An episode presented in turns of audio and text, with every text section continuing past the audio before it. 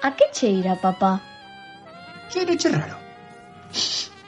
Pois se cadra te razón, eh? Algo fede. Será mellor que lle preguntemos ao... Tigre do futuro! O Tigre do futuro.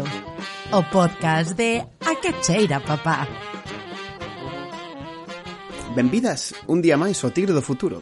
O podcast que facemos dende o Magazine Cultural A que cheira, papá Normalmente dedico estes comezos do tigre a algún tema que me parece evocador ou que ten algún tipo de relación cos temas da videncia e adiviñación que son a nivel temático máis propios do noso oráculo podcastil.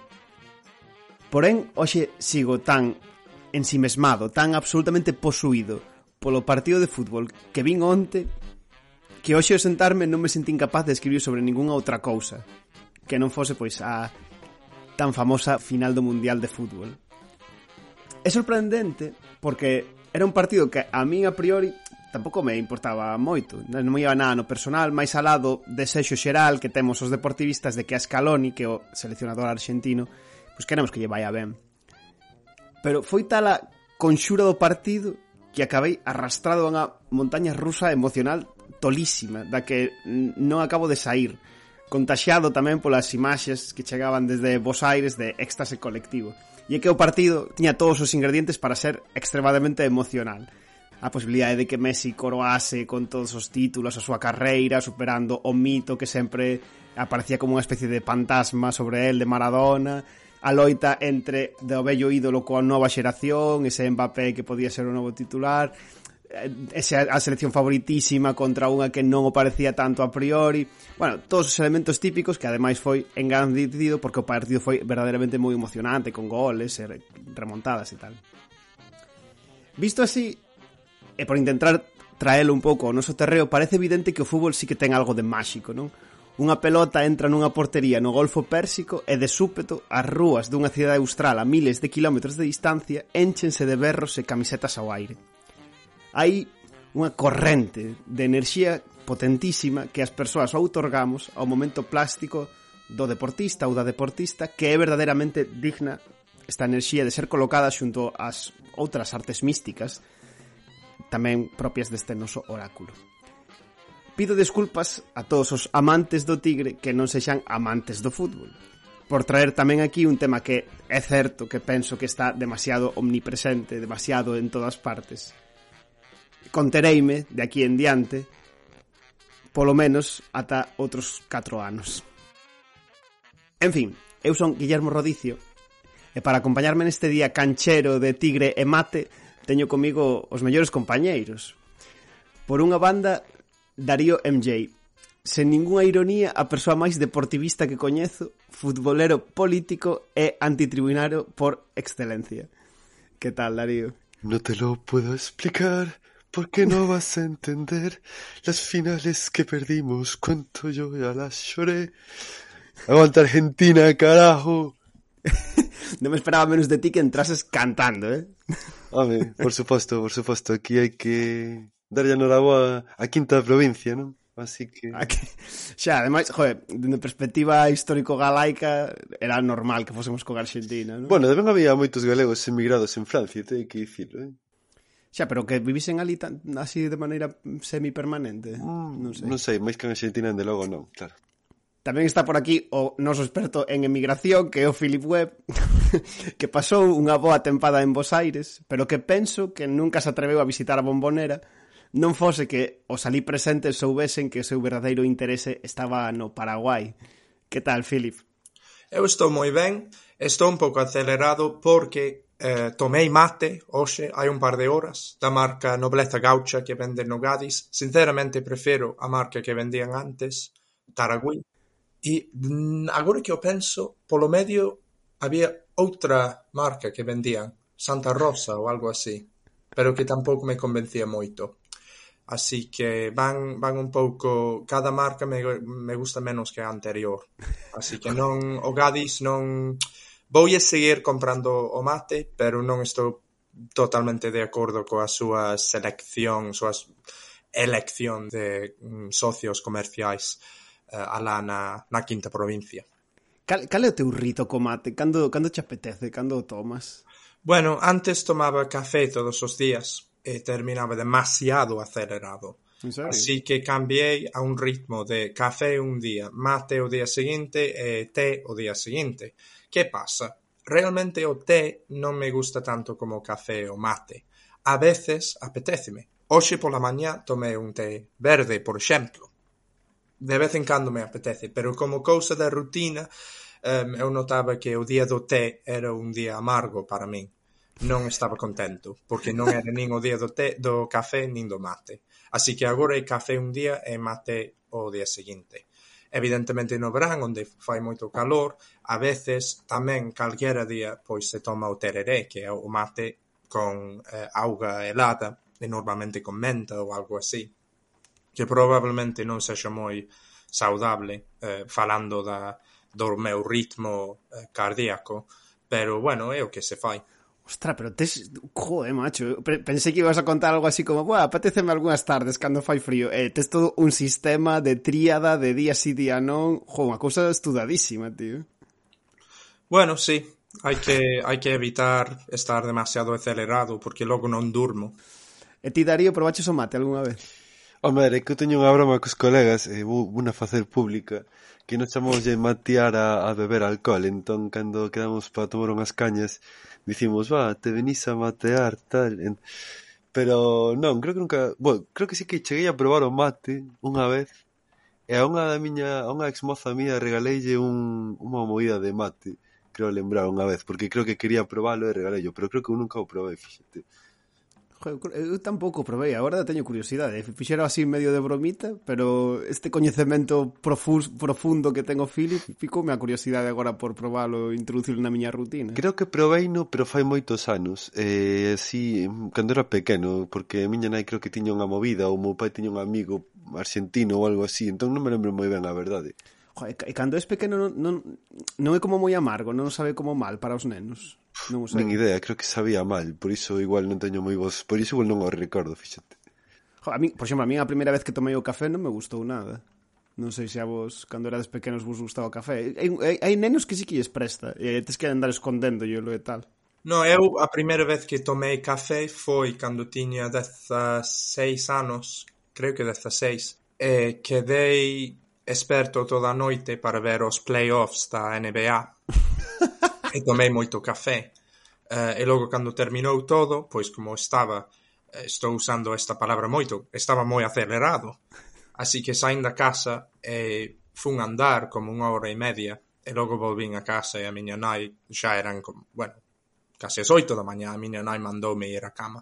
Pensei que ibas a contar que foras a botar unhas canastas emocionado pola NBA ou algo así. Pero... Non, porque claro, tú ves como xoga esa xente e sinteste moi como pequeno e inadecuado. Pois pues mira, xusto por aquí vai a pregunta de hoxe, porque como sempre sei que estáis desexando ofrecer as vosas historias ao tigre, pero precisamos dunha pregunta para achar a orden.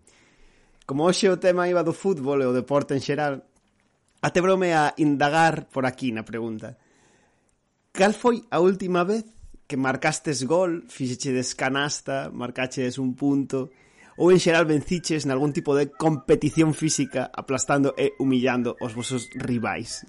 Buf, é que eu levo máis tempo sen xogar ao fútbol polo vendo fútbol Nin outro deporte? Eh? A ver, eu fago moito deporte, pero é que ningún así de, de equipo, creo Salvo igual un pádel aí fai moitos anos Pero, buf, é que non me lembro xa. Debería voltar a, a, a xogar.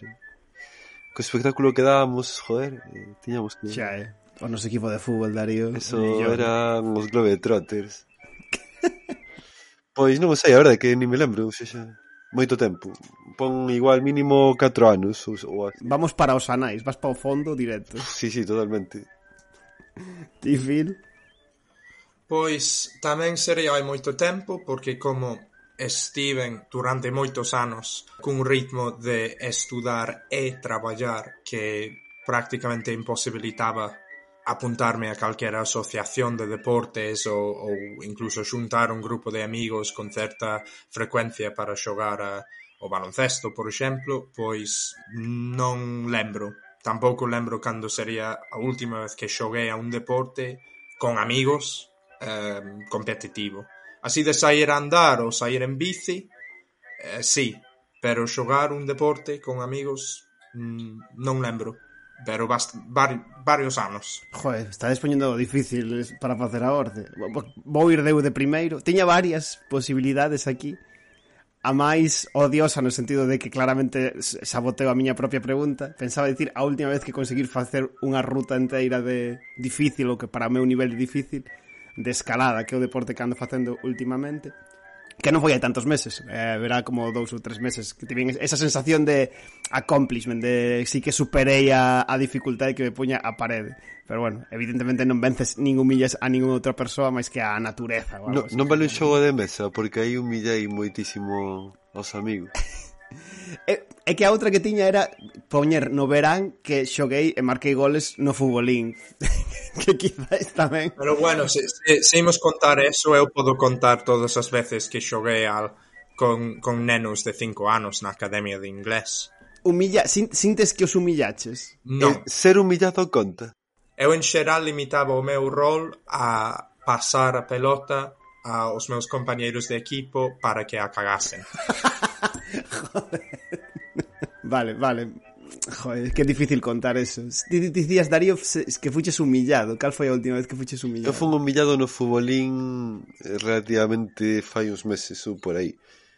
Pero sí, o sea, fui humillado, pero tamén gañei. Entón, bueno, eh, houve como unha de cal e unha de area.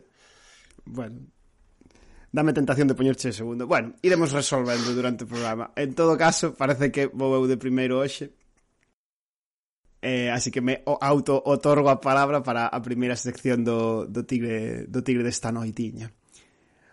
Hoxe quería falarvos dunha cousa que descubrí hai, hai pouco tempo, pero que me deixou como moi fascinado e me tiñe como moitas horas de investigación desto que a priori non parece ir a ningún sitio ata que conseguín convertirlo nunha sección. Son os peixes? No, os peixes, que peixes? Os peixes, en xeral, son moi chulos. Admito propostas neste momento interno. Pasaros, peixes... No, deixamos yo os páxaros ao Rubén que é o experto.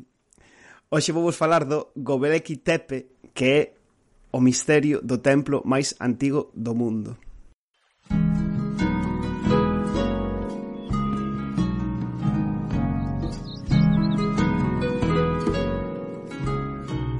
Vale, dicía que e fixen esta sección sobre un tema que me deixou moi fascinado, mas para comezar a indagar sobre o tema, quería que falásemos un pouco sobre unha cousa que a mí me acontece, non sei se vos acontece tamén a vos, que é que cando vamos para atrás no tempo, canto máis o pasado, parece que o propio Como tempo... Que cando vamos para atrás no tempo? Quen fai iso? Coa nosa mente, Filip, tío, ti és historiador. Ah, comente. Vale, vale. Back to the past aí. No, é, é que eu pensei que o mellor Guillermo de repente non sei a decir que pode viaxar no tempo, pero así tan pancho como se fora algo normal.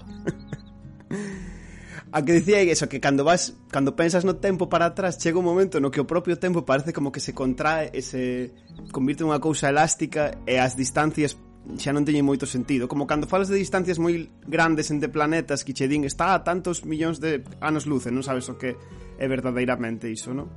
E para facer a proba disto, quero vos preguntar como tres cousas que son moi míticas e que me digades alrededor de que tempo pensades que se aconteceron. A primeira é a construción das pirámides de Egipto, das pirámides de Giza se tivesses que dicir en plan a, a data de construción das pirámides, cando diríades que foi? Eh, 4000 antes de Cristo. A min soame 3500. 3500. Eh, vale, o sea, ningún dos acertou é 2500 antes de Cristo. Somos equivocaches por 1000 anos e 1500 anos. Uf, casi, bueno, eh. Eso que casi, vale. casi, claro. Literalmente a mesma distancia que hai entre nós é a, a conquista... Bueno, a caída do Imperio Romano, prácticamente. Vale, a seguinte era Stonehenge, a construcción esta que está en Inglaterra, supoño que todo o mundo coñecedes. Cando, cando se construiu Stonehenge? Eh, 4000 antes de Cristo.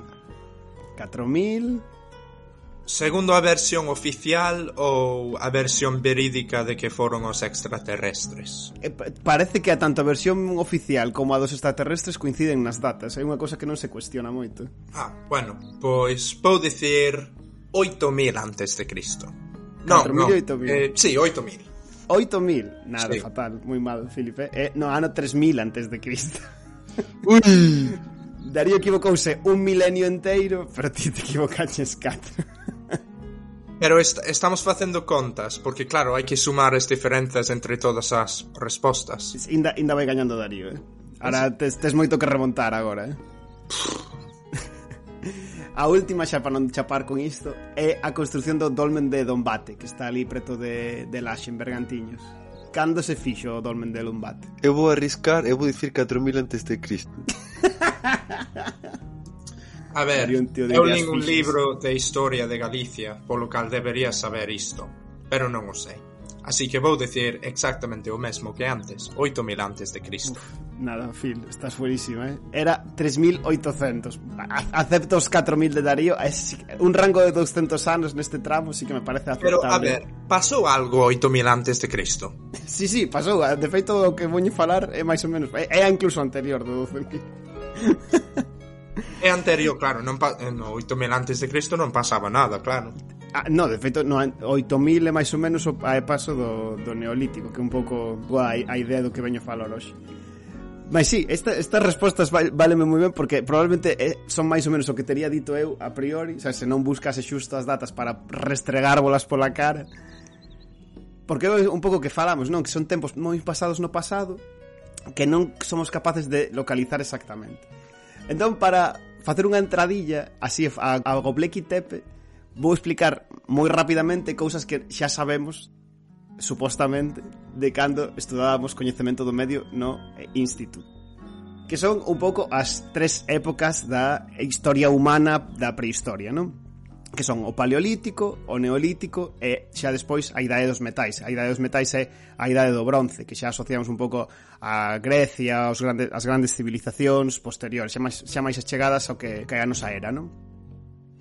A idea fundamental do paso entre o paleolítico e o neolítico, que é un pouco o tema central do que vamos a falar hoxe, é que as sociedades no paleolítico eran cazadoras recolectoras, non? Inventaron Parece que por cuestións climáticas e sociolóxicas inventaron a agricultura, dai a ganadería e eses inventos permitironlles abandonar a vida cazadora recolectora, nómade, e pasaron a formar núcleos de poboación estables, co excedente de alimento, non?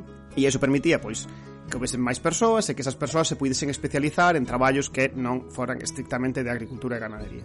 Así, nestes poboados máis grandes, comeza a haber constructores máis hábiles, e xunto a estas sociedades máis complexas desenvolvese tamén relixións complexas cunha casta sacerdotal propia, que era para pois, honrar os deuses e xunto con esas relixións aparecen os primeiros grandes templos, non? Eh, esta caste dirixentes, primeiro sacerdotal, logo de outro tipo, permite tamén unha organización social masiva e con isto pois nacen as primeiras civilizacións. Isto é todo coñecemento do medio, vale? Isto ata aquí pilotábades, non? Asumo que este coñecemento ten. Ou se xogaches a calquer xogo de, de Sid Meier's Civilización. Verdad? sí. É como o momento que está como moi moi mítico, non? Inventaron a agricultura e se quedaron quietos, non? Por fin. Sí. E construes unha cidade que ten unha escola e ten tres casas e os pirámides. non hai punto intermedio, as casas son unha mierda, pero xa fixemos as pirámides. Podríamos decir que foron os inventores do sillón, vole. Eh? Do sillón bol, por que? Joder, os primeiros inventaron o palanque. Os primeiros deportes iban todos de, de quedarse quieto, era para o contraste, non? Sí, 100%.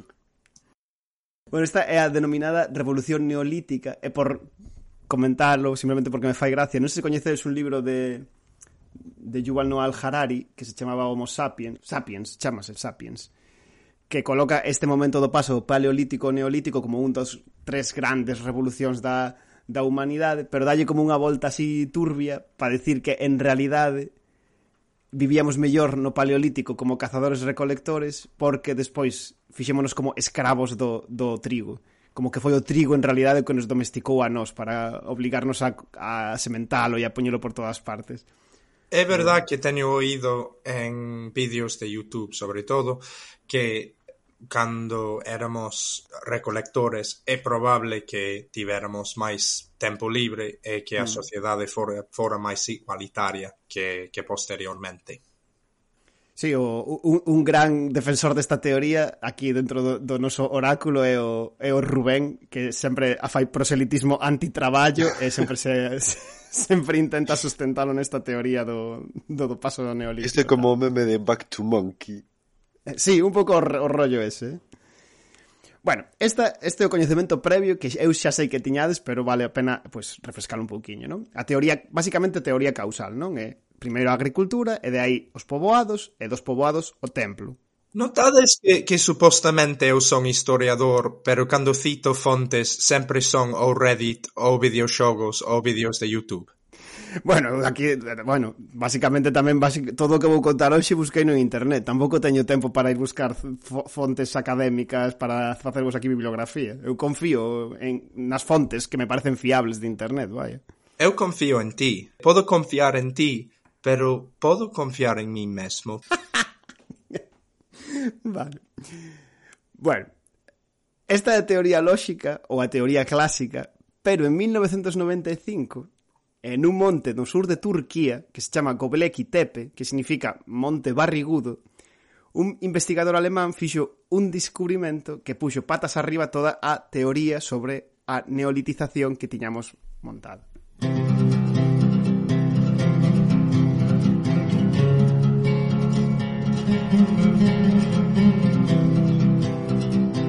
Vale, as antecedentes do descubrimento son senxelos, era unha zona esta que se supoña que era o Blequitepe, o Monte Este, era máis ou menos a fronteira do, do Imperio Bizantino, entón nos anos 50 uns investigadores americanos estiveran alá e pensaron, bueno, que atoparan unhas laixas de pedra calcaria, pero que debían ser tumbas bizantinas metardo medievais.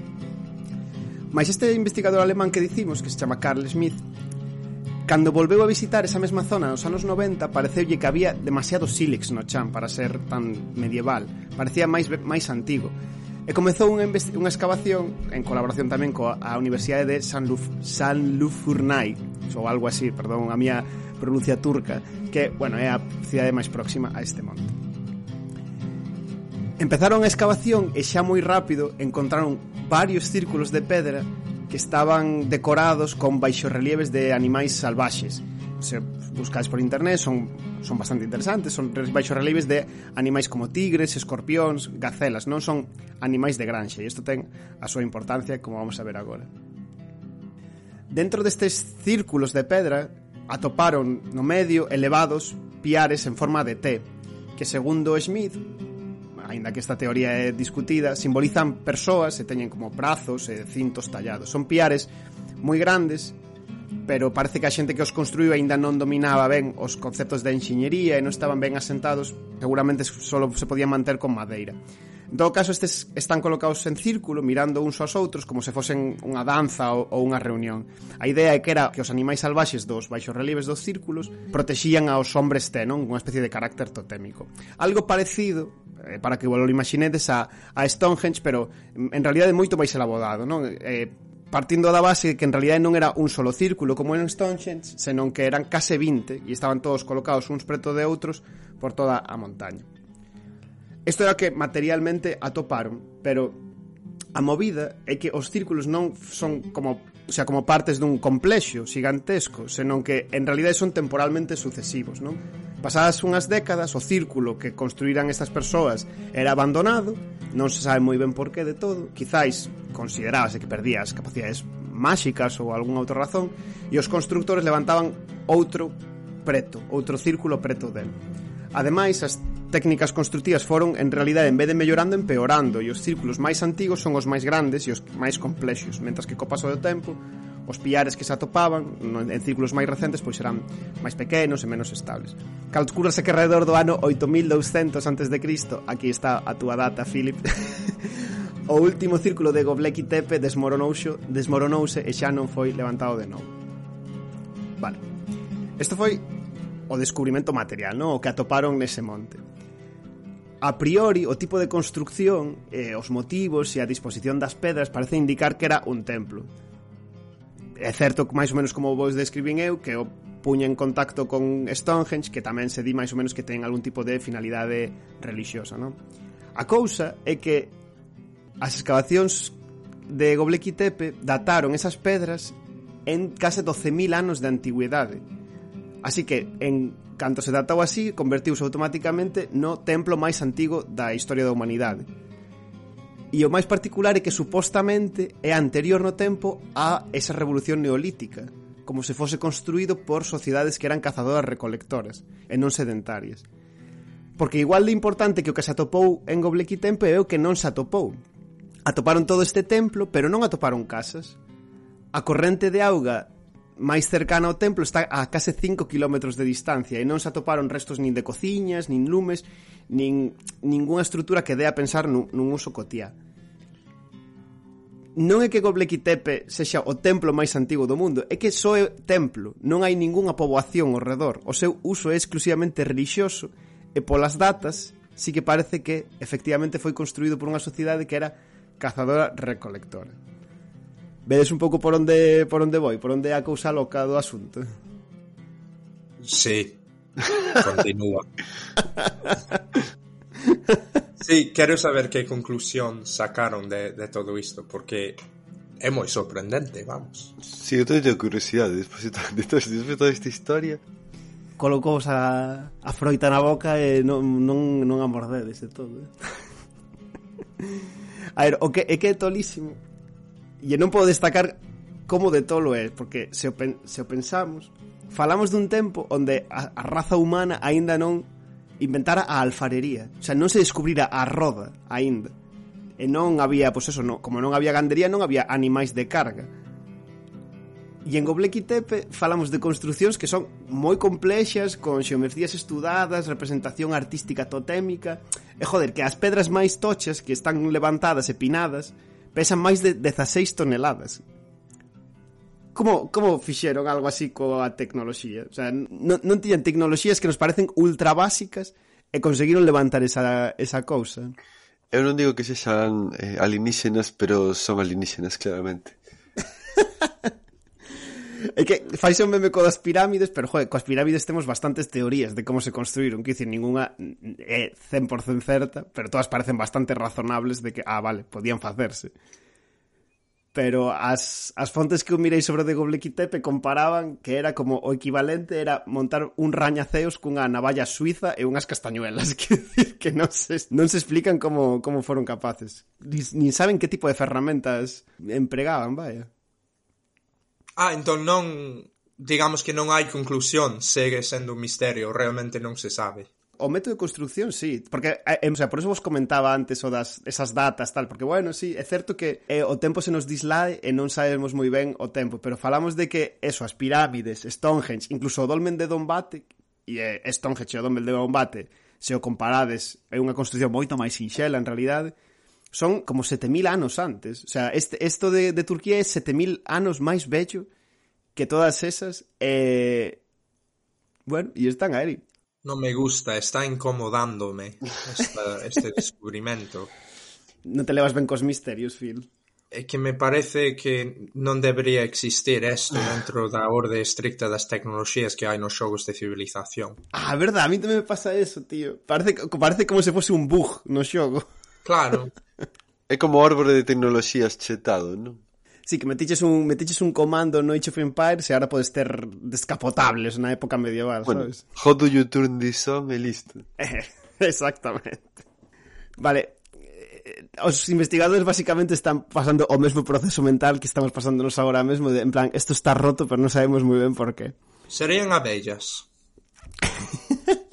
Como miles de millones de abellas, porque daquela había máis abellas que agora, miles de millóns que levantaban templos.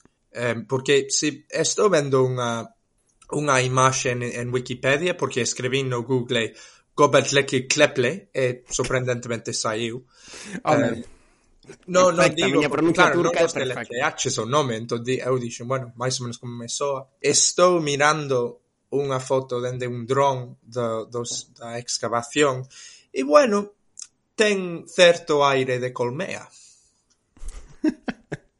E que, e cal é a túa teoría? Que foron abellas a que o construíron? Sí, é máis, eu creo que se todas as abellas, que serían prácticamente todas as abellas da Anatolia, eh, estaban reunidas neste sitio, pois sería bastante fácil Eh, que é un grupo de humanos recolectores ou unha familia de osos eh, pois que, que mataran a todas as abellas.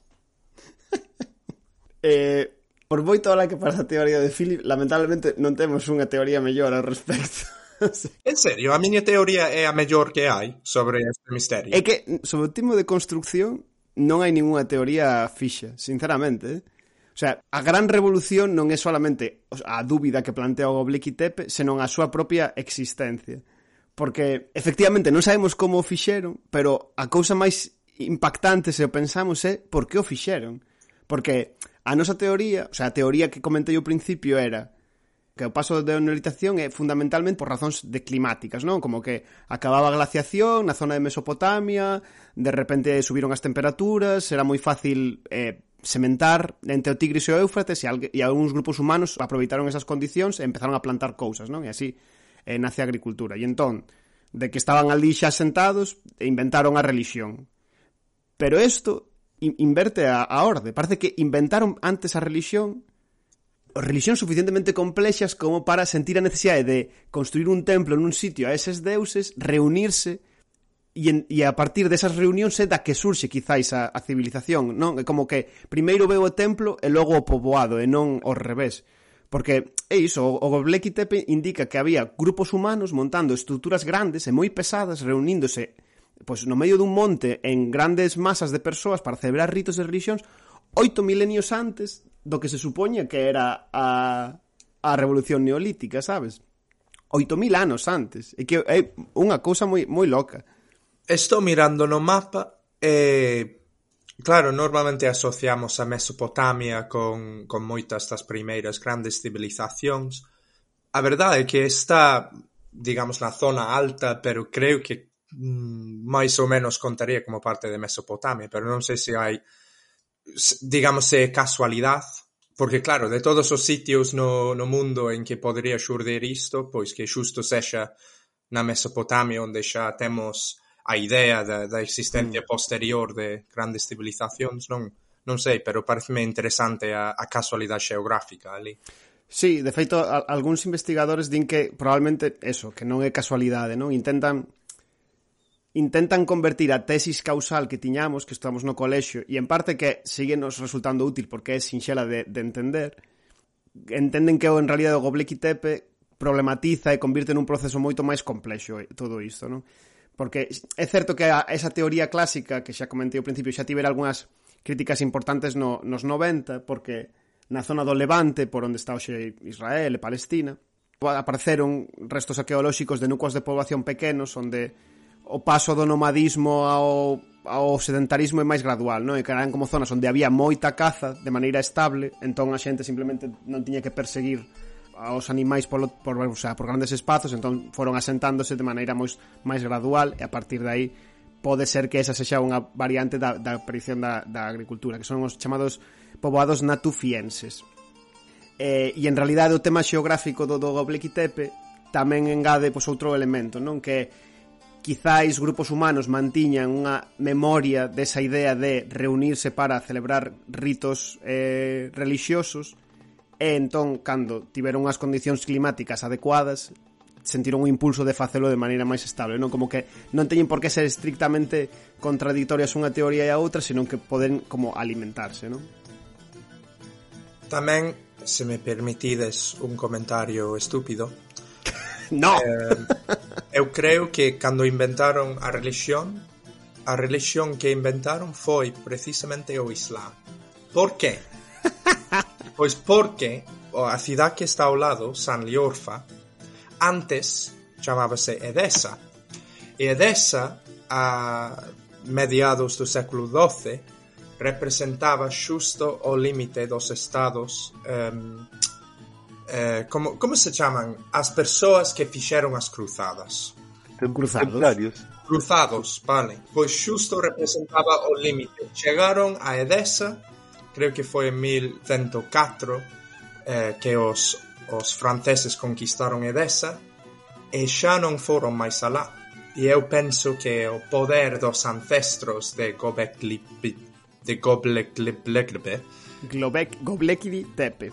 Gobekli Tepe eu creo que os ancestros protexeron o mundo musulmán da invasión dos, dos malditos cruzados cristianos sea, o Islam é o verdadeiro herdeiro da religión de que eh, 15.000 anos antes ou algo a así. Religión original. E é máis, eh, se miras a Terra dende o espacio, eh, Irán, como ten moitas montañas e ten un cor así un pouco como marrón, como beige, parece un helado de pistacho. Casualidad, no lo creo. Eh, moi rico, por certo, o xelado de pistache non son nada fan eu do pistache. Onte provei un turrón de pistacho que me gustou.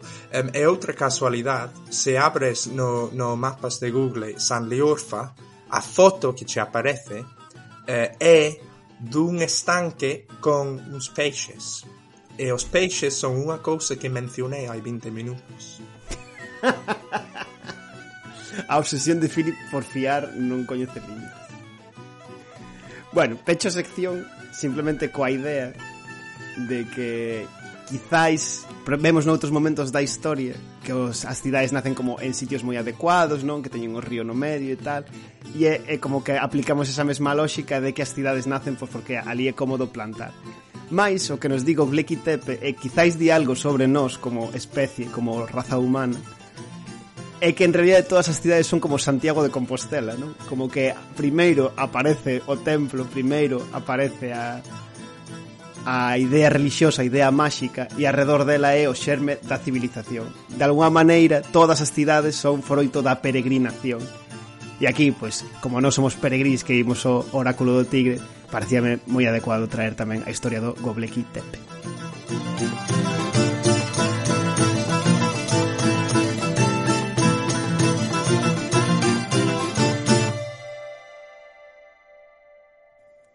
Pois moi ben.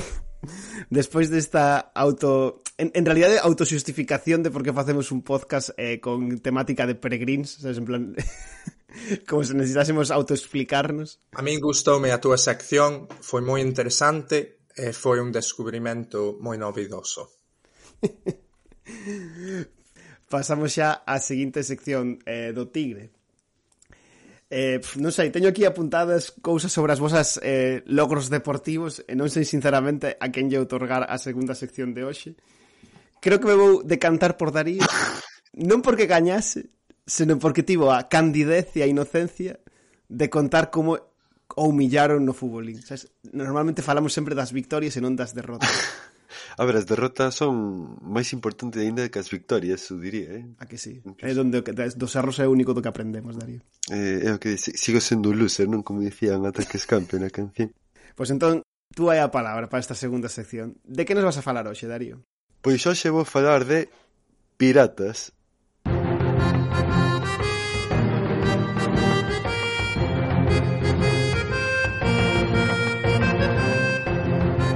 falar de piratas porque vou falar dun pirata que se sexa xa o máis coñecido ou o máis poderoso da historia. Quen diríades vos que é o pirata máis coñecido ou máis, máis que máis coñecido, máis poderoso da historia? Quen credes que, que podería ser? Máis poderoso? Uh -huh. Uf. Home, aquí xa nos a, a vena patriótica para decir o, o Benito Soto, non? Ah. Pero non sei. Bueno, aquí temos un cidadano dun país de piratas, non? neste podcast. Oh, con, cons, home, entón, a, claro, entón quen sería a Reina Victoria, probablemente o pirata máis poderoso da historia. bueno, ¿no? bueno, non vos me desencabeñado. Filip, ti que opinas de, desa lenda de piratas para Albion? Eh, eu creo que está ben. Eh, a, a quen non lle vai gustar un, un pirata? ¿A quién no le va a gustar un pirata del siglo XVII? A ver, é bastante curioso unha das cousas que me chaman a atención dos piratas eh, non sei se vos tamén por exemplo, o tema de Francis Drake no? que Inglaterra é como un heroe en España é como un criminal, no? un pirata no? Francisco Pato Francisco como? Pato Drake, Pato sí, o Drake é un o, o pato, o ah, sí, macho Faisán. Pero, E é, é, é certo que se considera un herói en Inglaterra. Eu pensei simplemente pois, que sería unha figura histórica menos problemática, pero non que o tivesen como alguén puto amo. O mellor estou esquecendo o meu inglés, porque un Drake tamén é un tipo de dragón. Pero eu creo é, que un pato macho tamén é un Drake. Drake. Drake duck. Drake pato. Vou poñer musiquita como de sección filolóxica do post. Sí, sí. A, a Drake is a sexually mature adult male duck. Un, un, un, Maduro sexualmente, oye. sí, Sí. señor, sí, señor. Francis Pato Maduro sexualmente. Eh, bueno, non contestou Filipe a pregunta, pero gracias. Ah, a pregunta é, um, recentemente houve un certa polémica sobre o asunto do ouro de Venezuela que o Banco de Londres decidiu uh, non liberar. Pero Francis Drake, ah non, estou confundíndome, estou pensando noutro pirata, en Walter Riley, que navigou o río Orinoco polo cal Venezuela realmente era colonia inglesa, así que o ouro venoso. Pero ese era Riley, non era, non era Drake. Encántame como Philip, en vez de contestar as preguntas, eh, fai que se me ocurran como 15 máis. a verdade é que sí. Pero bueno. bueno, Phil, o sea, Darío, vol volvemos, volvemos. Quen é o pirata máis poderoso da historia, en realidad? Pois mirade, o plot twist é que non é un pirata, senón unha pirata porque ¡Ah! Jingxi é unha pirata china. Foi Zekais a pirata máis forte e máis poderosa de toda a historia. Matriarcado lo analizamos. Totalmente. Onde nace Qingxi en concreto? China, xa non lo dixeches. Sí, pero... Pero China é moi grande. Non dixen en que parte de China. É na provincia de Cantón, onde nace no ano 1775. E ademais non era do, da etnia Han, que pode ser a etnia tradicional china, senón do, da etnia Tanka, que era un grupo étnico que tradicionalmente vivía en embarcacións frente ás costas de Cantón. Pouco se sabe un pouco do seu pasado, polo que eu estive investigando, non hai todas as case todos os artigos e cousas que había sobre ela, pois non falaban da súa vida temprana, pero sí que falan que para o ano 1801 gañaba esa vida como traballadora sexual nun bordel flotante, non? onde atendía a, a, a clientes ricos. Que pasaba? Que moitas familias pobres da provincia de Cantón pois aproveitaban a familiaridade co, ca costa pois para dedicarse ao contrabando principalmente e soportar pois esos momentos difíciles que, que era o que vivía. Era un pouco como, como en Galicia co, co contrabando, non? Un pouco pois, Xa. aquí vexo un paralelismo aquí con Galicia que non direi pues. Sí, no, no, está, o sea, en realidade o nacemento do, da pirataría moitas veces son variantes como máis organizadas de contrabando Efectivamente ¿no? Moito, sí, sí. Entón, bueno, ela, pois debido ao seu traballo como prostituta pois comezou a, a traballar relacións co, que estas persoas ricas para sacar segredos e traficar con esta información para gañar diñeiro e influencia Normalmente falase de que Chinxi era máis alta que as mulleres da súa época e que tiña unha fermosura que lle facía destacar entre entre elas.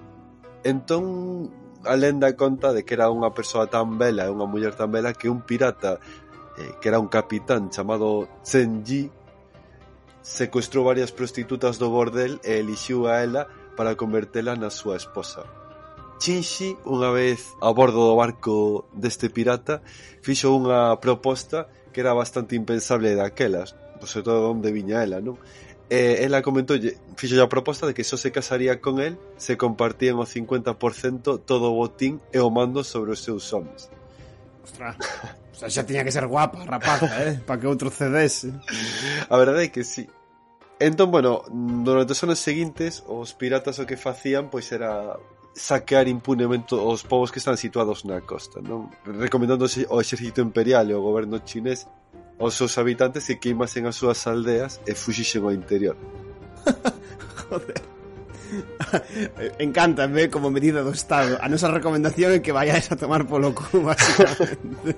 Pero bueno, esta, esta idea do Estado chinés non foi unha idea moi boa, porque Senxi e Qingxi cambiaron un pouco o tipo de negocio e pasaron de atacar aldeas a asaltar barcos, provocando un prexuizo para os roteiros marítimos internacionais. ¿no?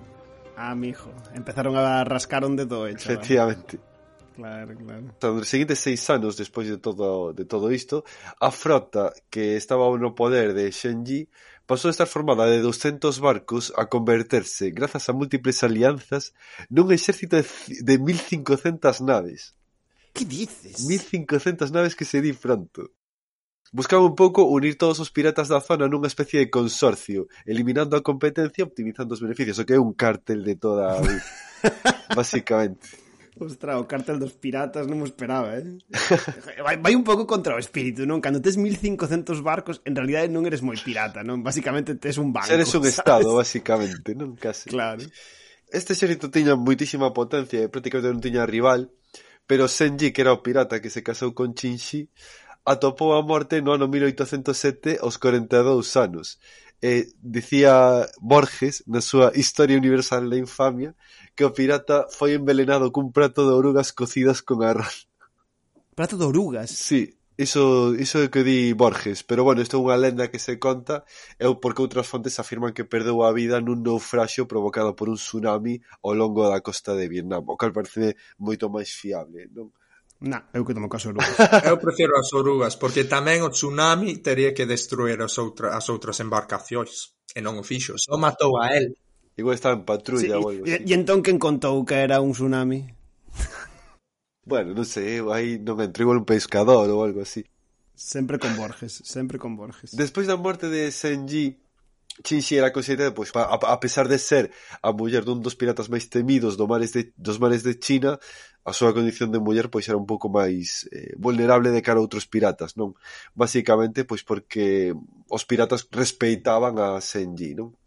Entón o que fixo ela para fortalecer a súa base casouse co fillo de Senji, que era Sanbaozai, chamábase, que nese momento andaba na súa vinden, vintena.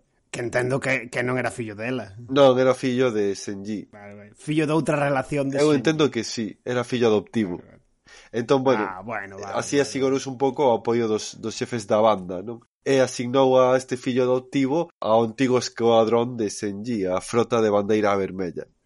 A verdade é que esta relación que podería parecer incestuosa era máis que nada unha alianza pois para preservar o, o botín, non? Entón, despois desta especie de fusión, non? destas sociedades piratas que nos que este tipo de acordos eran habituais, o negocio creceu ata convertirse nun monstro dende Corea ata a costa de Malasia e non se movía un só barco sen que a armada de Qing pois o soubese e o controlase. No poxeo do seu poder, Chinxi chegou a dispoñer de máis de setenta mil homes e 2.000 barcos que estaban divididos en seis frotas, distribuídas por cores: vermello, verde, amarela, violeta e negra, e tiña como estandarte unha serpe.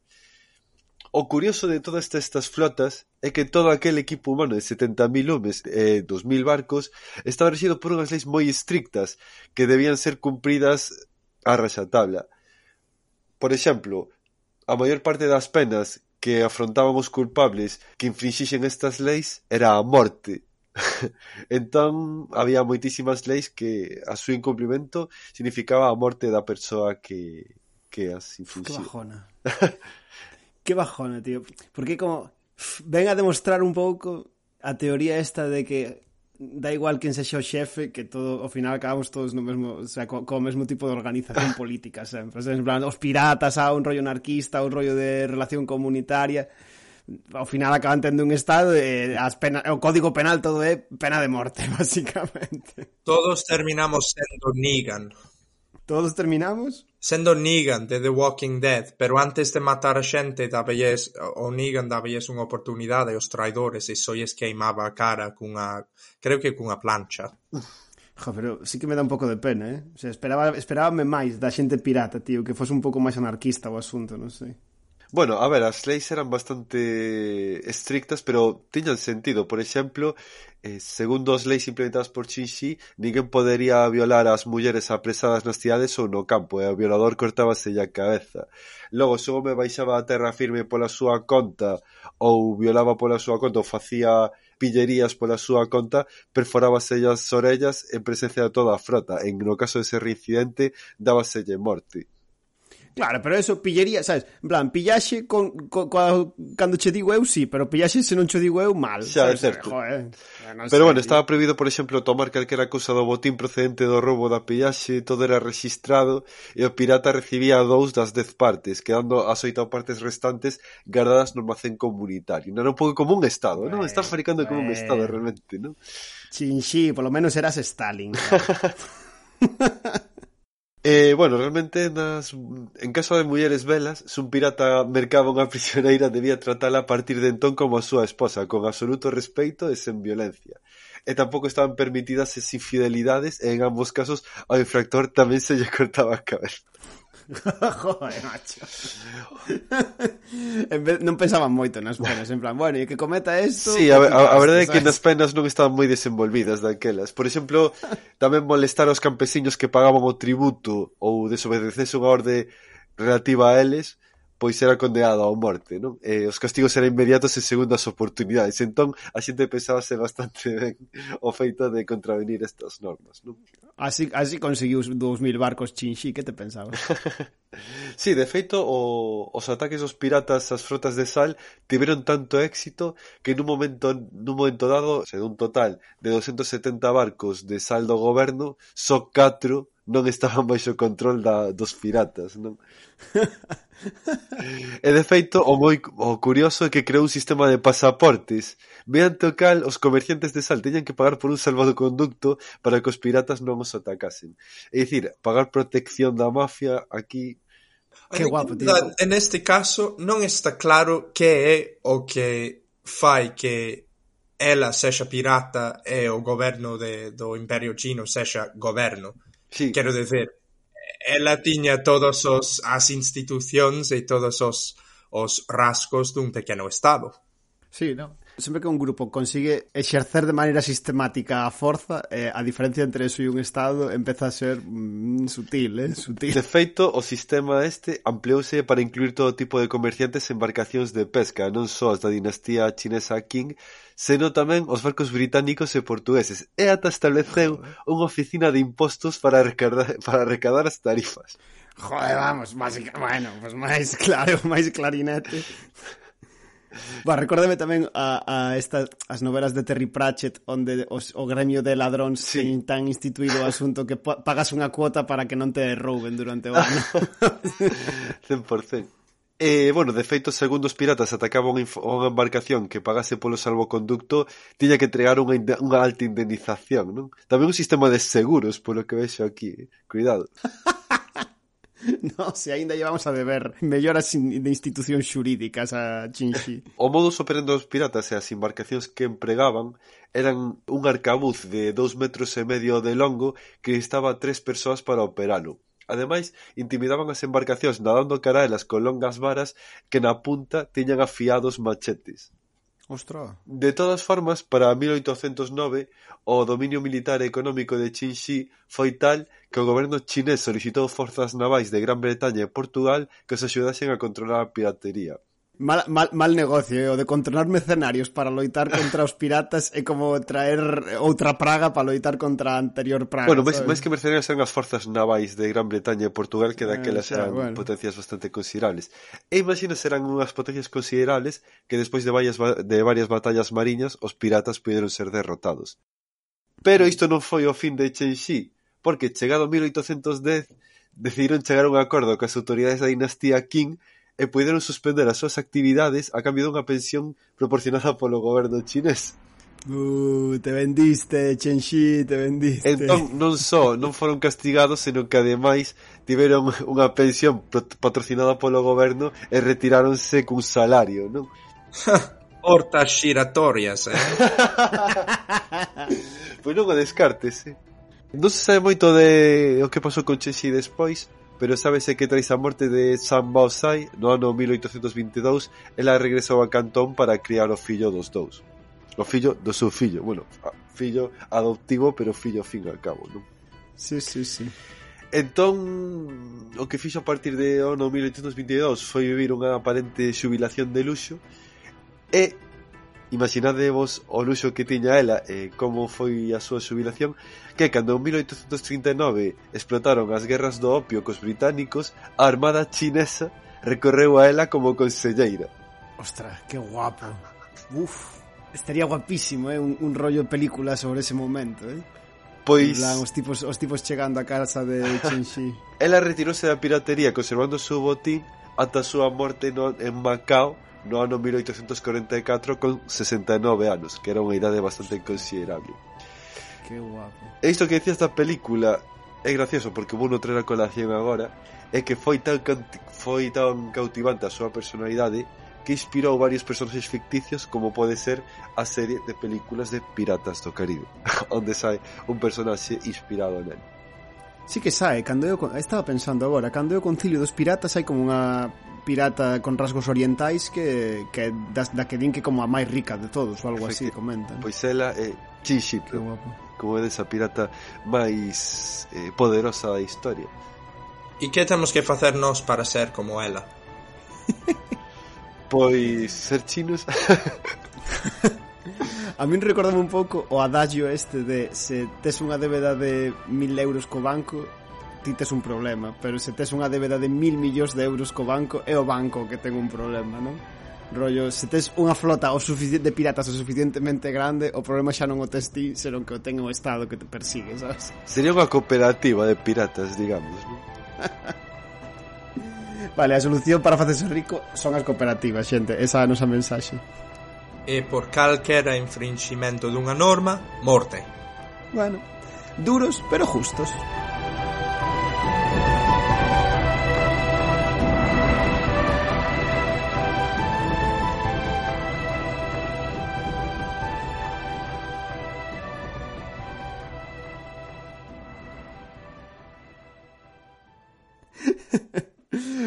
pois moi ben. Despois deste pequeno curso introductorio á arte e finalidades da eh, cooperativismo en Galicia, pasamos xa á última sección do Tigre de hoxe. Quedou para o final o Philip, pero non porque non sexa excelente nos deportes, senón porque ten a dignidade de, de non exercer a súa superioridade física sobre os cativos eh, que intenta educar habitualmente. Ah, mais antes de comezar a sección, parece que o, o barco da Chenxi trouxo, trouxo un polizón. Está por aquí o Rubén. Ojoi, que tal? Foi falar de piratas, non puideches evitar aparecer, eh? Home, é mi tema, cosas de barcos. Mencionei o Benito Soto un pouco invocándote, eh? Hombre, hai que mencionar a un dos héroes patrios non debidamente recoñecido. Home, Mira, para facerte partícipe do, do tema da temática de hoxe, eh, podemos preguntarte, probaches o mate algunha vez? Tomates, tomaches mate? Por favor. Por favor, claro que probei o mate. En Laxe é bebida nacional. Tomase moito en Laxe, en serio? Sí, eh, de feito é, é habitual que as amas de casa eh, fajan un mate pola mañá e a medida que van facendo pois, as súas cousas pois van tomando Ostras. Eh, e dispois pola tarde tamén é frecuente que se xunten as, sobre todo as señoras maiores no, na xente nova xa non o tomamos tanto eu ainda tomo de vez en cando pero moi pouco Ostra. que se xunten e o quedan para tomar o mate a falar e dai saliron pos aulas de pandeireta cursos de palillo e cousas así o guai. mate en laxe é institucional eh? como a, a viaxe de ida e a viaxe de volta do para Argentina non? Si, sí, de feito, a bombilla que teño eu para beber o mate é... veo da Argentina. Que guai. Pero incluso en familias que ningún membro foi a Argentina. Home, normal, socialízase despois, claro. Claro, claro, de feito, da miña familia ninguén fui a, as Américas E eso, hasta que eu era pequeno tomabas o mate Dispós miña nai quedou embarazada e... Sabes se tú que as embarazadas de repente Cámbialles o chip e un alimento de repente deixe de gustarlles eh, Pasoulle co mate, sí? Sí. Claro. Eh, parouse a tomar a esa altura. Home, que manda onde manda, manda, eh? Claro, claro, claro. claro.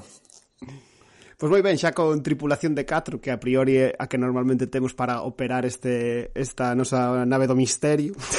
Joder, xa non sei ni que digo. Surcar las ondas radiofónicas. Lamentable. Eh, pasamos xa á última sección. Philip, douche a palabra antes de seguir to, soltando tópicos radiofónicos. De que nos vas a falar hoxe? Hoxe vouvos falar, vouvos impartir a segunda parte da miña intervención sobre os mitos paraguaios.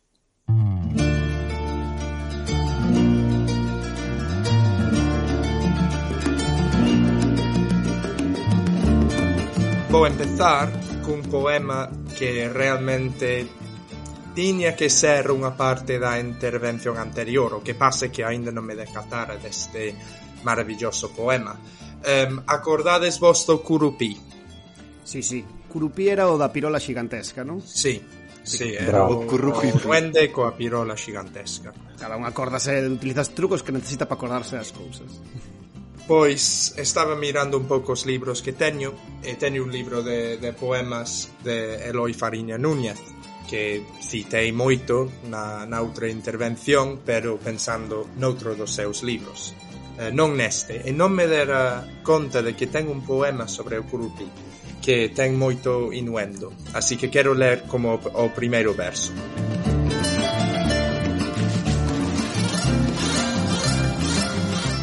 Escucho un son de flautas que a lo lejos se pierde en sucesivos ecos en el silencio verde. ¿Acaso vague solo por misteriosa picada el enanito rubio con su flauta encantada? Yo curupí no silbo como silba pombero, ni embrujo como hechiza yaciateré, pero mi poder es más grande. Yo enlazo con mi signo los anillos del mundo, yo corro imperceptible tras las blancas visiones, rico en miel silvestre, sobre cuatro talones. Yo infundo a ciertos zumos la virtud genetiva de estremecer el cuerpo de la mujer esquiva. Al pronunciar la Virgen en voz baja mi nombre, siente el horror supremo del abrazo del hombre. Oh visión de la casta doncella de la fuente, los loros han callado su comadreo ronco. En el claro del bosque yace torcido un tronco. E sigue así, con moitas flautas e moitos troncos. Isto resúmese no adagio de a gaita de Bartolo que ten un furado solo. Ai, despois, despois que se teño que editar isto e quitar os chistes guarros, eh, por favor. Moitas flautas e moitos troncos debería ser o título da sección, eh, Philip? é verdad. Podo dicelo agora para que máis adiante poidas eh, inserilo, se queres. Vale, vale. A miña... A miña... Perdón. Boris Johnson. Boris eh, Johnson. A miña sección de... Dios. Teño, teño tos, teño covid seguramente. covid, eh? Lembrades deso. um, tempos de a miña sección de hoxe non o vou decir, é que, é que a, primeiro tos, logo interrumpesme, é imposible. non, se, ver, non, non se pode que traballar. Se non, que se nos fai o tempo. Que... Nada, seguimos co título original. Dalle, dalle. Um, quería ler ese poema porque me, porque me gusta, pero Eh, realmente hoxe eh, quero falar máis ben duns mitos máis recentes que se popularizaron no Paraguai. Eh, Concretamente uns mitos que xurdiron durante e despois da Guerra da Triple Alianza. E non vou dar todo o contexto histórico da, da Guerra da, tri, da Triple Alianza, mm, limítome a dicir que foi unha guerra Eh, empezou en 1864, terminou en 1870 e uniu as forzas de Brasil, Uruguai e a terra de Messi que é literalmente Dios eh, contra Paraguai. E como podemos imaginar, pois Brasil, Argentina, Uruguai contra Paraguai, pois é unha contenda bastante desigual e a guerra terminou coa casi aniquilación da poboación paraguaia. Creo que o entre o setenta e o noventa por cento da poboación faleceu ehm, e tamén a disposición de xénero da poboación, polo feito de que máis homes morreron na guerra, fixo que ao final en 1870 pois houbera un home por cada tres ou catro ou cinco mulleres en Paraguai. Tal foi o, o grau de, de destrucción que a mm. guerra supuxo. E tamén, como podemos imaxinar, unha guerra que te deixa un rastro e un trauma tan profundos sobre un pobo, pois evidentemente vai ter un impacto enorme sobre o seu desenvolvemento histórico posterior e tamén sobre a cultura, a súa conciencia colectiva. E neste sentido podemos contemplar algúns dos, dos mitos, do folclore que xurdiu nese contexto. E, de feito, colleu para isto un artigo de 1961 escrito polo, eh, polo brasileiro Paulino de Carvalho Neto que se titula Folclore da Guerra do Paraguai.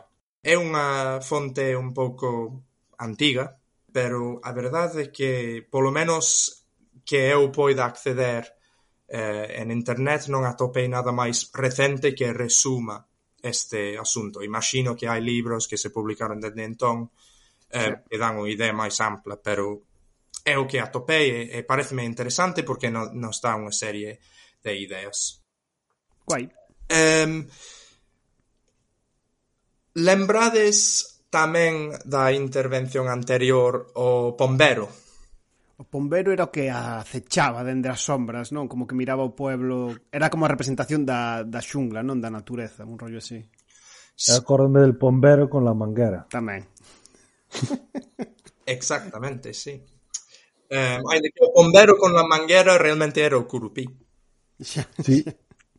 E sigue con, con mangueras e troncos. Claro, e flautas de Flax. Pois mira, resulta que ah, a, neste caso, um, bueno, temos un caso en, en que a mitoloxía influía eh, nos nomes dos diferentes pelotóns ou batallóns do exército paraguaio durante a guerra.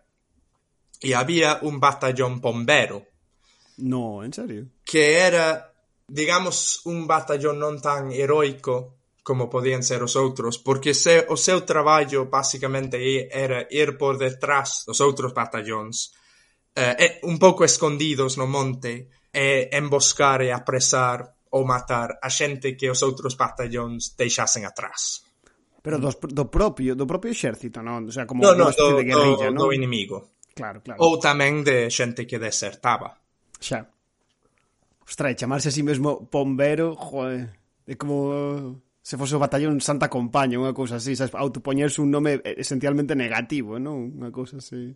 É guerra psicolóxica tamén, supoño. Si, sí, eu um, o que di Paulino de Carballo Neto é que sí, que era un nome un pouco un pouco despectivo, como non non estaba moi ben visto que unha persoa formara parte deste batallón, porque non eran os que estaban aí na, na fronte, Xa. eh, lidando co, co enemigo.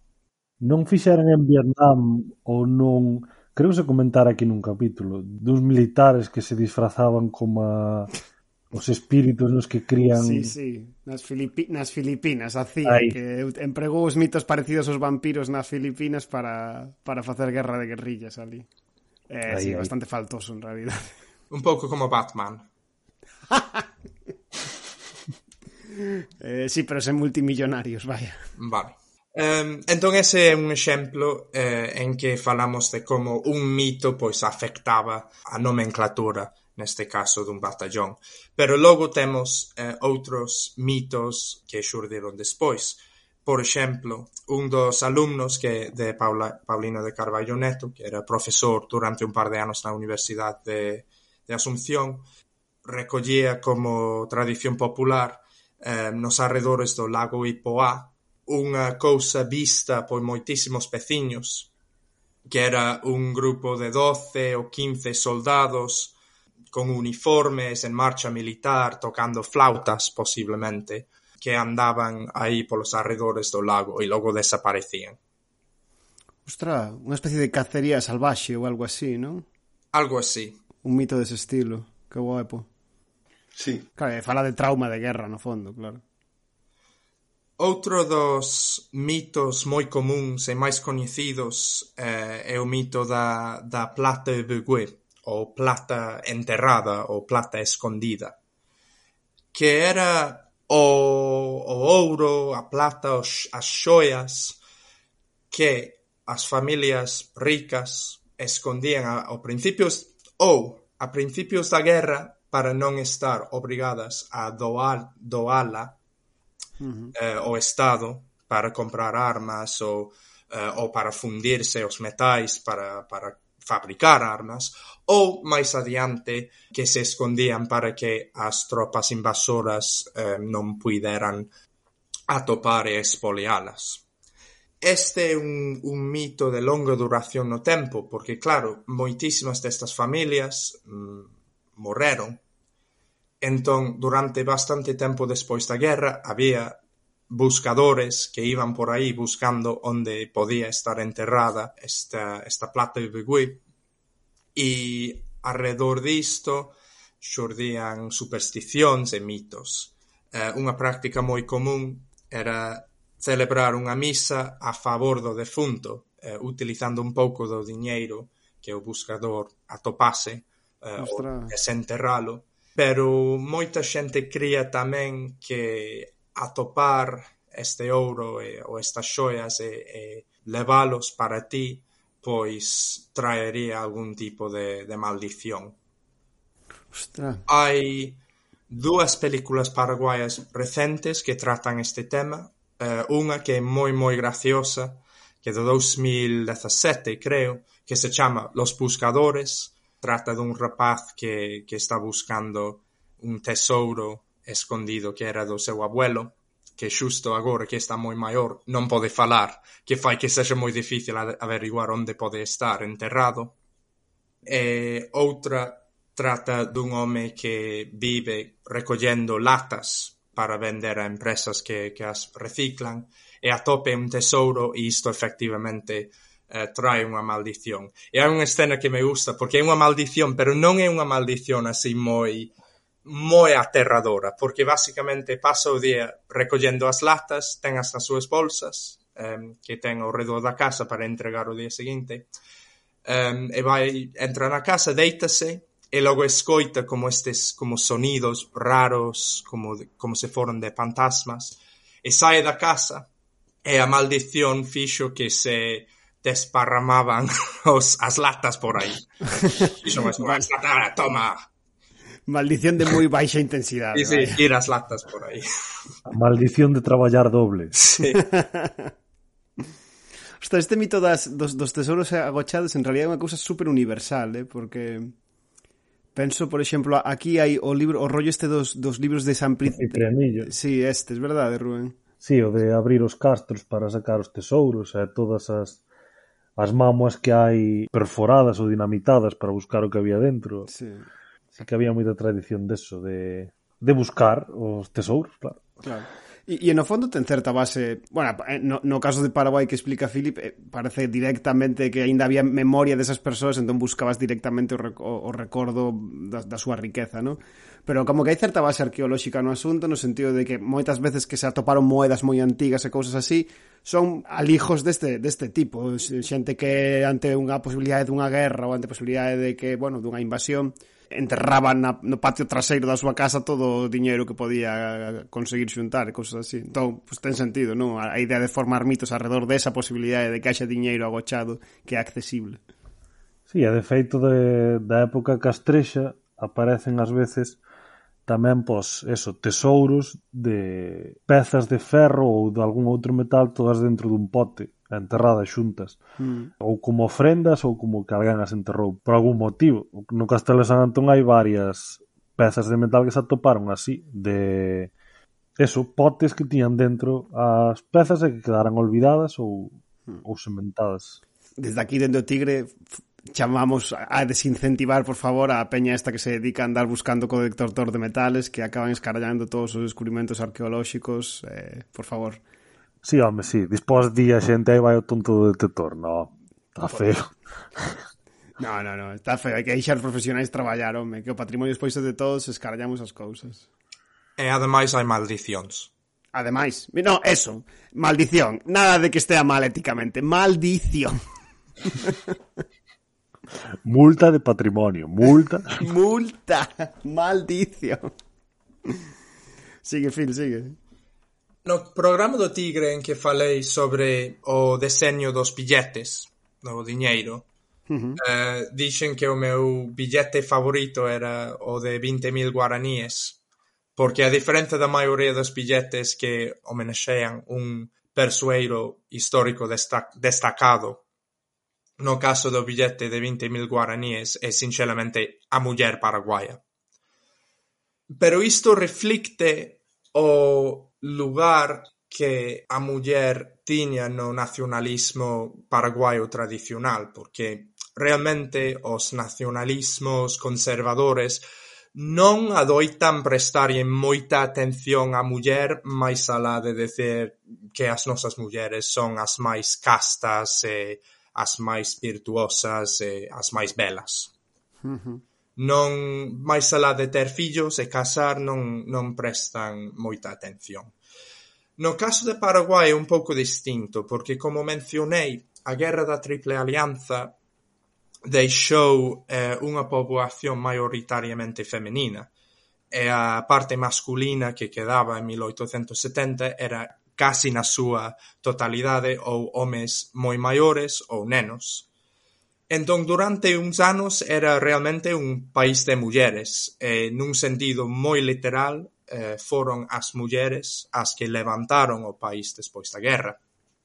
Neste sentido, as, as peripecias, os sufrimentos das mulleres que fuxían ou defendíanse dos ataques dos exércitos aliados no interior paraguaio É unha experiencia colectiva que se mitificou e se idealizou despois baixo o nome de a residencia. Chamase a residencia, estas mulleres eran as residentas. Ostra, a residencia. É un, un caso ou un, un mito, mito popular neste sentido é uh, o mito de Curuzú Isabel ou Cruz de Isabel. Mm.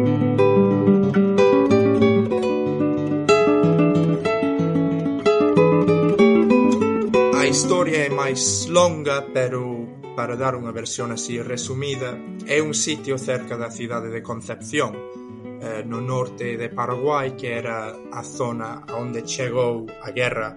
Tardou máis en chegar, digamos. A zona das últimas resistencias do povo paraguaio o invasor. Esta muller, Isabel, era unha das residentas que andando por unha zona de monte, pois finalmente caeu morta. Pero tal era a súa virtude, o tal era a súa forza, o seu poder de resistencia, que os animais carnívoros que andaban por aí eh, non ousaban comela. Deixaban ali e, e creo que finalmente cando se recuperou o seu cadáver, pois estaba totalmente intacta. E levantouse unha cruz onde ela caeu porque se consideraba que era un, un milagro e converteuse durante moitísimo tempo. De feito, quero preguntarlle a miña caseira de cando eu pasei uns meses en Paraguai, porque ela era es eh, dun pueblo cerca dali, quero preguntarlle se sigue sendo un, un lugar de peregrinación.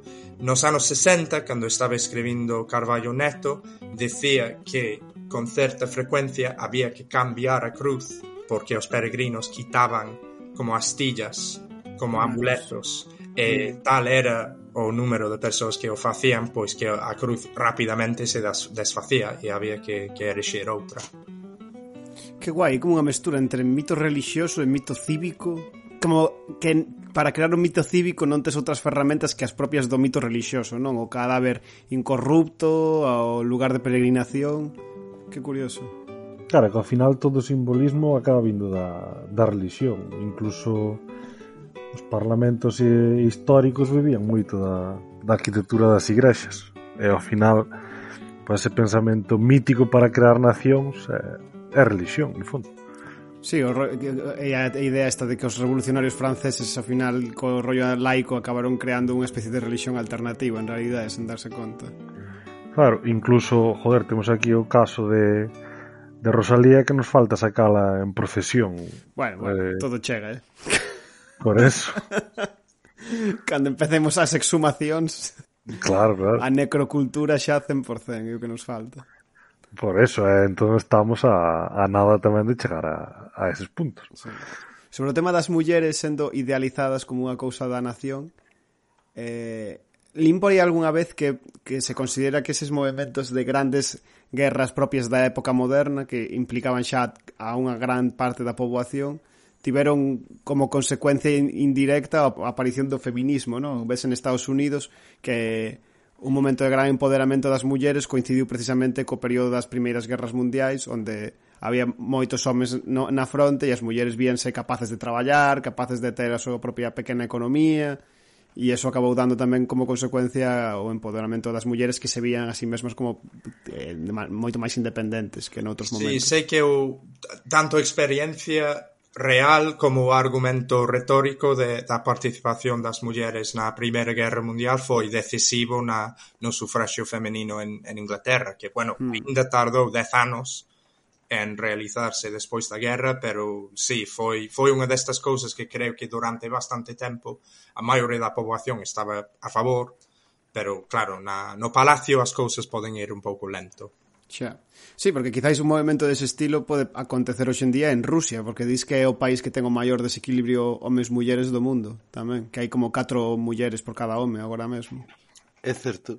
Pero bueno, por la guerra mundial, imagino, non? Bueno, como consecuencias da guerra mundial, eh, bueno, siguen facendo cousas, non? Eh, Ejem, continuemos. Um, non sei se hai estudos así antropólogos, antropolóxicos sobre como este desequilibrio de xénero podía uh, influir no, no desenvolvemento do cultura, de, cultural Eh, e social do Paraguai posteriormente. Pero sí que é interesante porque ao final, dado que máis que hoxe as diferenzas de xénero, os, os papéis de xénero um, eran cousas moito máis marcadas e asumidas, pois entendo que tiña que ter un impacto importante. Sí, seguramente non sei como que idea tes tío do Paraguai de hoxe? Ves como un país aínda moi moi machista velo distinto de outros países de Sudamérica? Um, é un país moi relixioso moi católico e moi tradicional e conservador. O cal non quita que eu coñezo a paraguaios e paraguaias que como poden ter ideas moi parecidas ás nosas. Xa. Pero en conxunto, si, sí, un, unha sociedade moi tradicional. Xa, xa.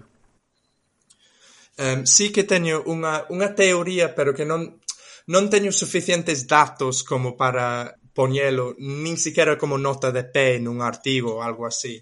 Pero es que, que me ten bastante sentido. O Paraguai de finais do século XIX e principios do XX estaba marcado por moitísima violencia política E hai moitos factores, pero unha cousa que creo que podía ser un factor era que, como mencionei, ao final da guerra había moi poucos eh, homes, e claro, daquela, pois, para ocupar unha posición de autoridade política, pois tiñas que ser home. Entón, vemos que a principios do século XX, cando o, a primeira xeración de nenos que nacen despois da guerra como cumpre a súa maioría de idade, rapidísimamente entran en posicións de, de poder e de influencia. Para darvos un exemplo, un fillo dun, dun galego que se chamaba José María Balteiro fixérono xefe de policía de Asunción con algo así como 23 anos. Ostra. Ostra. Eh, e había moitos así, vamos. E sí que me pregunto se a xuventude destes homes que eran, por exemplo, xefes de policía ou coronéis ou o que sexa, e a, a relativa inmadurez, a falta de control de impulsos podía contribuir ao nivel de violencia política que había. Pero, como digo, non teño datos como nin para unha nota de pé, para decir aquí nun podcast. Jo, pero hai unha idea interesante de que se, se chegamos a un punto de demasiado de de idolatrar a xuventude, non? Que é unha tendencia que, que eu creo que como sociedade temos que podemos acabar como dándolle demasiado poder a peña que non está madura eh, emocionalmente de todo, sabes? Que interesante esa idea. Vale, volvendo ao, ao tema da, das residentas e da mitificación, eh, sí que quero mencionar unha canción que Paulo de Carvalho Neto cita como unha canción argentina, unha canción popular argentina que supostamente retrata unha típica residenta. Um, e lin esta e dice unha peza argentina con numerosas variantes recollidas e dice la guerra unha como unha parte, dice la guerra con tres naciones a mi pueblo descarró pobre, triste y, y abandonada en el mundo me dejó. Eu vin eso e como que me soaba. E busqueino e resulta que non é unha canción popular argentina de autoría anónima.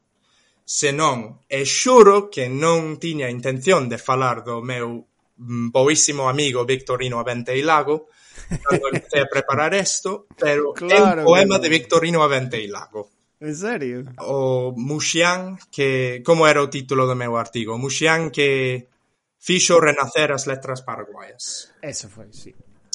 E mirei un pouco esta, este asunto da, das diferentes variantes que existía deste poema de Victorino Abenteilago que na súa antoloxía poética recopilada polo seu neto cítase como un poema publicado nun almanaque nacional en 1896 pero creo que tiña que ser anterior porque normalmente el publicaba os poemas en periódicos e ademais teño unha cita sobre como todos os nenos nacidos na posguerra da, Paragu da guerra da Triple Alianza coñecían esta canción como canción de Berce, polo cal eu entendo que ten que ser dos anos 70 originalmente. Pero bueno, todo, todo é estudo arqueolóxico do poema, Philip. Pois mira, atopei eh, encántame isto, atopei eh, de 1905 unha recopilación de cancións populares chilenas eh, editada por Juan Bautista Peralta en que este poema de Victorino Abenteilago aparece como sen autor e co título La Paraguaya e algo que a xente cantaba en Chile. Bueno, é o equivalente da canción de Darío ao principio, canción de, de, de hinchas argentinos que cantan en todas partes ao final. Sí, é certo.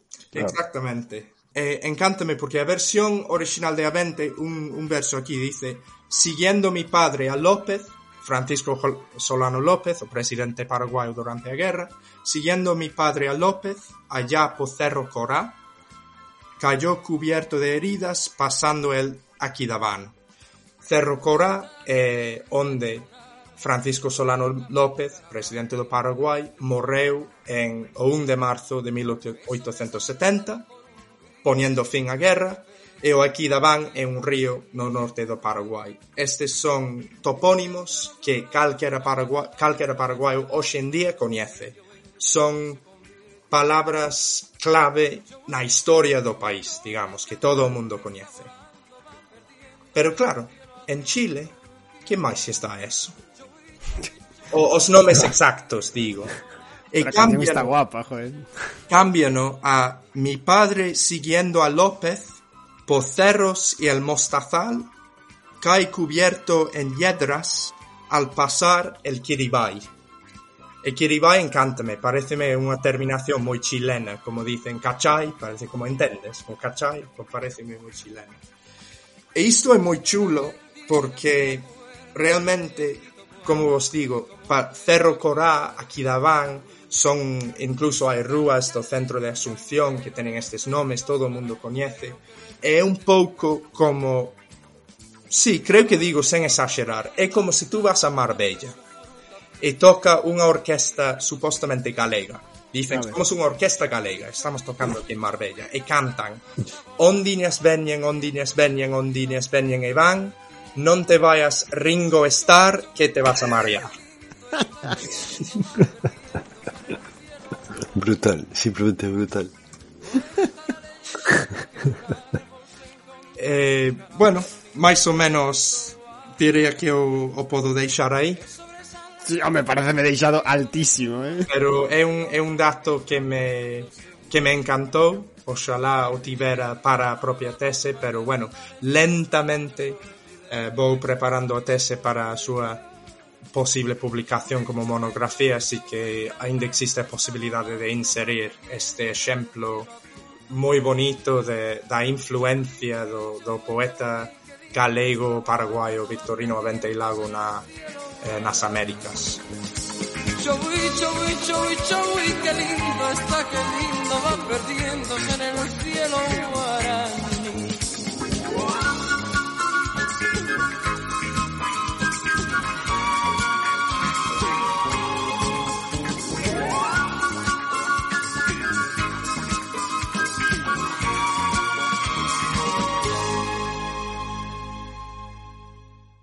Pois moi ben, despois desta segunda xa parte da mitoloxía paraguaya que, a verdad, cando anunciaches que iba a ser a segunda parte, non me imaginaba para nada que fósemos falar como de mitoloxía de lugares bélicos, mitoloxía de mulleres de resistencia. Foi interesante, porque non é o que imaginarías falando de... Bueno, falando de eso, de, de mitoloxías, de mitos así e lendas. Chama xa o Tigre Tigre de The Omens e iso significa que chega ao seu fin un novo episodio do Tigre do Futuro. Saímos hoxe do oráculo eh, cheos de mate ata as trancas polo visto eh, verdadeiramente máis argentinos que nunca houve hasta referencias cruzadas a Argentina cando non o esperaban Quero dar grazas ás miñas cómplices do oráculo de hoxe. Se vos gustou e non vos queredes perder as seguintes entregas do Tigre do Futuro, podedes suscribiros en iVoox, e Spotify, Apple Podcast, Youtube ou seguir en xeral o que facemos desde a que cheira papá. E emplazamoslo xa para o seguinte tigre que quen sabe o que agarda ali. Un saúdo e ata a próxima. Tigre, tigre, quen te pode deter? Fai no pedazos e bañate no que quede de Nunca